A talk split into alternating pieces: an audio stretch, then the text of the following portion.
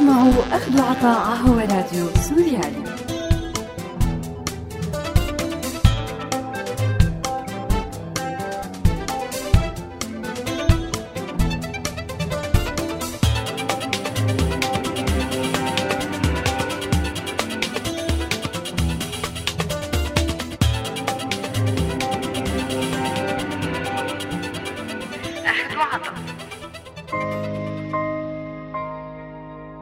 أهلا وسهلا فيكم بحلقة جديدة من برنامج أخذ وعطا. معي أنا رنيم بدل زميلتي مايا.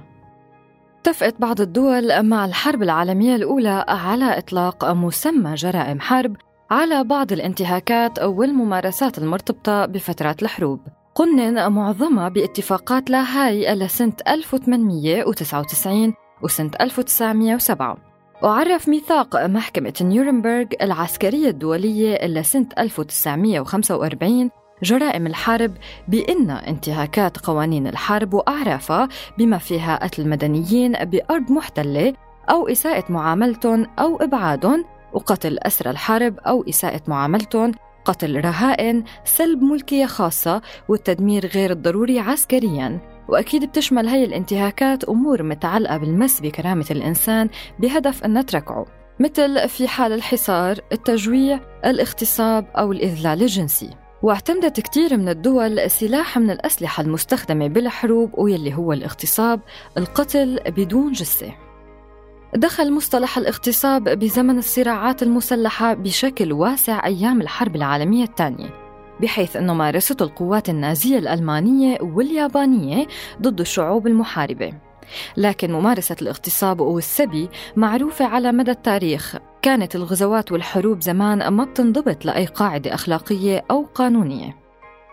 بحلقتنا لليوم رح نحكي عن الاغتصاب بحالة الحرب ويلي شهدناها بسوريا وعن الحالة النفسية للضحية وكمان عن المحكمة الجنائية الدولية اللي بتعاقب مرتكبي جرائم الحرب.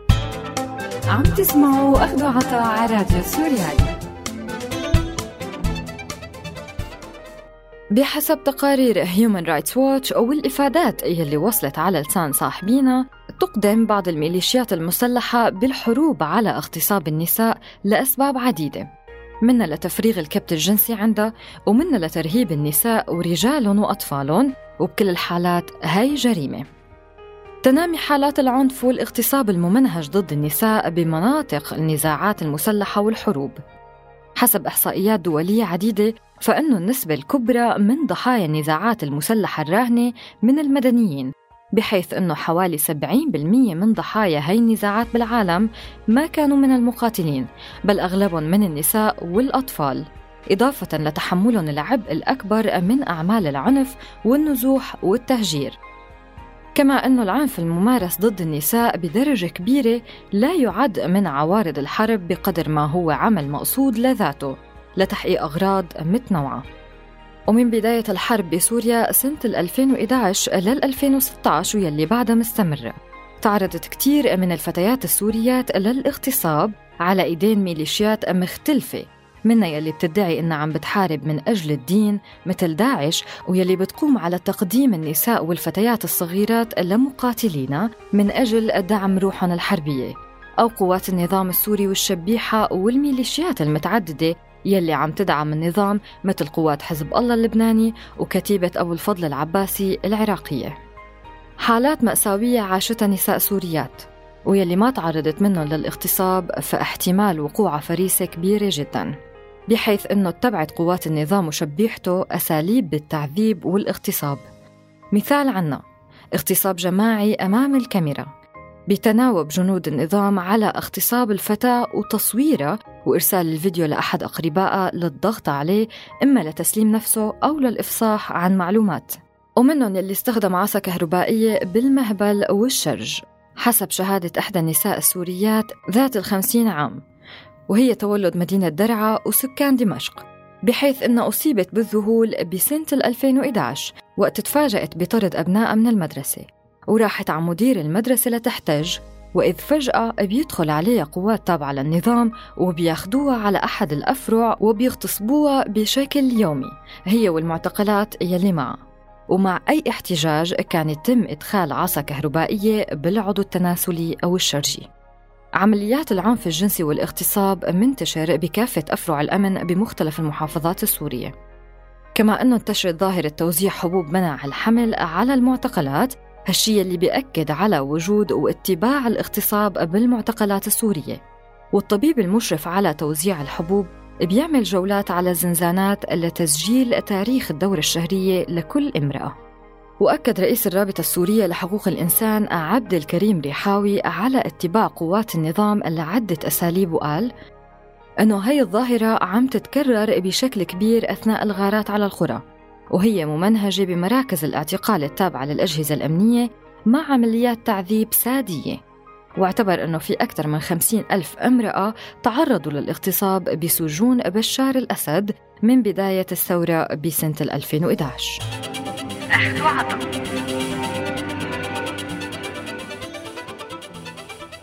أفعال الاغتصاب اللي ارتكبتها القوات الحكومية ضد النساء بإطار هجوم منهجي استهدف المدنيين وعرضهم لانتهاكات متعددة. هالشي بيعتبر جرائم ضد الإنسانية وجرائم حرب وانتهاكات للقانون الدولي الإنساني والقانون الدولي لحقوق الإنسان ويمكن مقاضاة مرتكبينها على أساس إنها من الجرائم ضد الإنسانية. وسبق وشهد التاريخ الحديث استخدام الاغتصاب كسلاح حرب بعدة دول مثل رواندا واللي اغتصب فيها ما لا يقل عن 250 ألف امرأة بحرب الإبادة سنة 1994 وبسيراليون نحو 60 ألف امرأة وليبيريا نحو 40 ألف امرأة وبالكونغو حوالي 200 ألف امرأة. والبوسنة والجزائر ودارفور ودخل مصطلح الاغتصاب بزمن الصراعات المسلحة بشكل واسع أيام الحرب العالمية الثانية بعد ما مارسته القوات الألمانية واليابانية ضد الشعوب.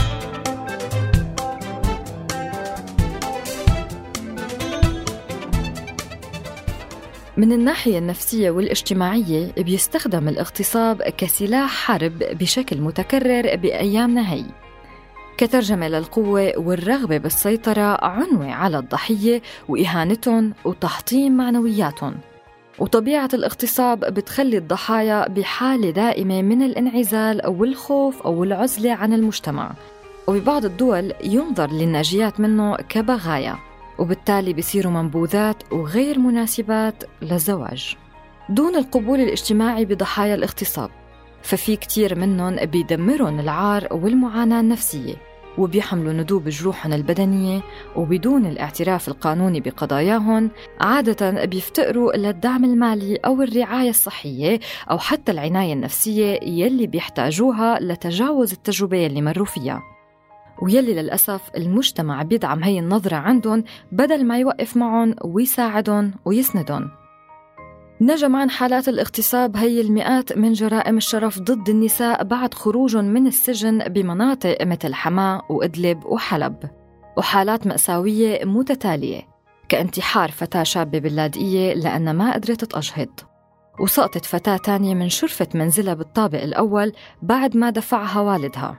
وعثر على بعض الأطفال الرضع بشوارع درعا. ومن خوف ضحايا الاغتصاب من أهاليهم أو أزواجهم وحتى مجتمعاتهم لجأ البعض منهم لإجراء عمليات لغشاء البكارة ونجحت واحدة من النساء السوريات بإجراء حوالي 50 عملية لغشاء البكارة لفتيات مغتصبات تتراوح أعمارهم بين 13 و 16 سنة خلال أسبوع واحد بس وبشكل سري جدا بحيث أنها كانت الوسيلة الوحيدة لإنقاذ هدول الضحايا من القتل. ومع هالشي كتير من العائلات تفككت والأزواج صاروا يروحوا ويطلقوا زوجاتهم.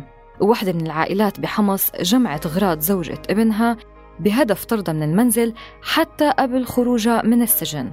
وبحالات تانية صاروا بعض الآباء يسرعوا بتزويج بناتهم لأول شخص بيطلب الزواج منهم قد ما كان عمر الزوج. بيعتقد بعض علماء النفس أنه القليل من الرجال من يلي بيرتكبوا جريمة الاغتصاب بقصد المتعة الجنسية والباقي بيرتكبوا جريمتهم معاداة للمجتمع يلي بيعيشوا فيه وأنه كتير من المغتصبين عندهم إحساس بالكره أو الخوف من النساء وببعض الأحيان بيكون الاغتصاب بسبب الانتقام بين الأعداء عامة. هالشي اللي بيقودهم لرغبة بإثبات قوتهم وسيطرتهم وإذلال وإيذاء النساء المغتصبات. اغتصاب الحرب له تأثير كبير على الضحايا. ممكن يكون منهجي بالطبيعة بمعزل عن العنف الجنسي كالضرر البدني لضحايا الاغتصاب بالحرب والإصابات والأمراض المنقولة جنسياً. والحمل لأنه اغتصاب الحرب بيكون بمناطق الصراع. اغتصاب الحرب له تأثير كبير على الضحايا. ممكن يكون منهجي بالطبيعة بمعزل عن العنف الجنسي. كالضرر البدني لضحايا الاغتصاب بالحرب والإصابات والأمراض المنقولة جنسياً. والحمل لأنه اغتصاب الحروب بيكون بمناطق الصراع. فبالتالي من الصعب أو النادر الوصول لوسائل منع الحمل بحالات الطوارئ والمضادات الحيوية كمان أو حتى الإجهاض. أما الإصابات على المدى القصير النفسي للضحايا فبتشمل مشاعر الخوف، العجز واليأس، ويمكن على المدى الطويل إصابات نفسية بتشمل الاكتئاب واضطرابات القلق ومتلازمة ما بعد الصدمة، والعديد من أعراض جسدية، ذكريات الماضي، وصعوبة في إعادة إقامة علاقة حميمة، كمان الخجل والمخاوف المستمرة وضياع والعزلة الاجتماعية والأسرية.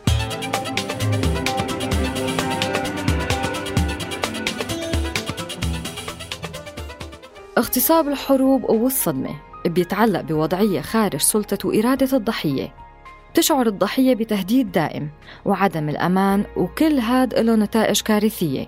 وبتلاقي حالة قدام أخطار مدمرة ممكن تقودها لسلوكيات خطرة ومواقف انقلاع ذاتي ولوضع صادم أو لاكتئاب حاد.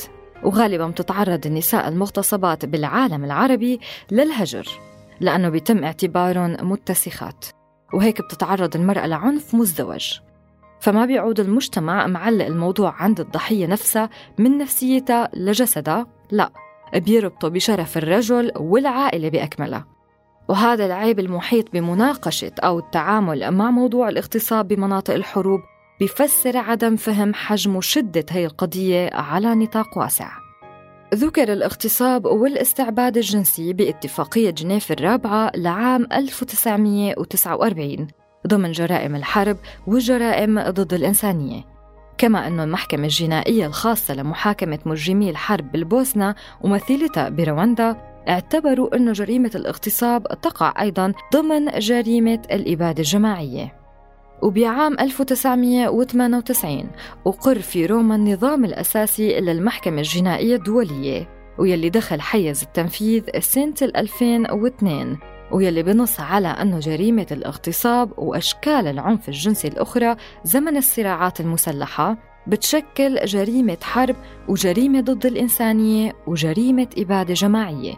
وبهذا الإقرار سدت كافة المنافذ يلي كانت تعتبر الاغتصاب حالة فردية بيتحاكم عليها يلي بيرتكبها بس.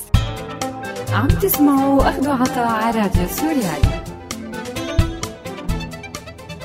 ما فينا نضل معتبرين أنه جرائم الاغتصاب والعنف الجنسي هي نتيجة حتمية للحروب بل هي أحد تكتيكات الحرب المعتمدة ويلي فينا نمنع وقوعها ونعاقب مرتكبينها حتى ولو بعد فترة. وبكل مرة بيتم ارتكاب هي الجرائم بيوقف العالم عم يتفرج. وهذا الشيء ما بيوحي إلا بشيء واحد بس وهو إمكانية ارتكاب العنف الجنسي والإفلات من العقاب. بالنهاية هي مسؤولية أخلاقية. فما بيقدر أي بلد بيؤمن بحقوق الإنسان يغض النظر عن جرائم العنف الجنسي بوقت الصراع. وبينعد إنهائها ضرورة أمنية وقومية ومسؤولية علينا كلنا عن طريق دعم سيادة القانون وتطبيقه. وإذا قدرنا نحطم مبدأ الإفلات من العقاب على العنف الجنسي بالصراعات أو قدرنا نكسر الصورة يلي بيعتمدها المجتمع على الضحية ووضعها كأنها مجرمة أو وصمة عار فمنقدر كمان نعجل بتغيير المواقف تجاه النساء بأوضاع كتيرة تانية.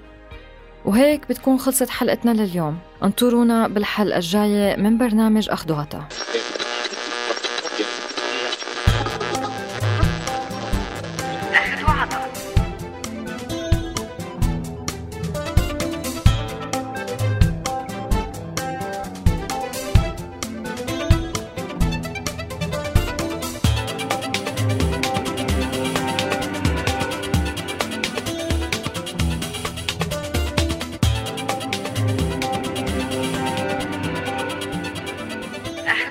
هذا البرنامج من إنتاج راديو سوريالي 2017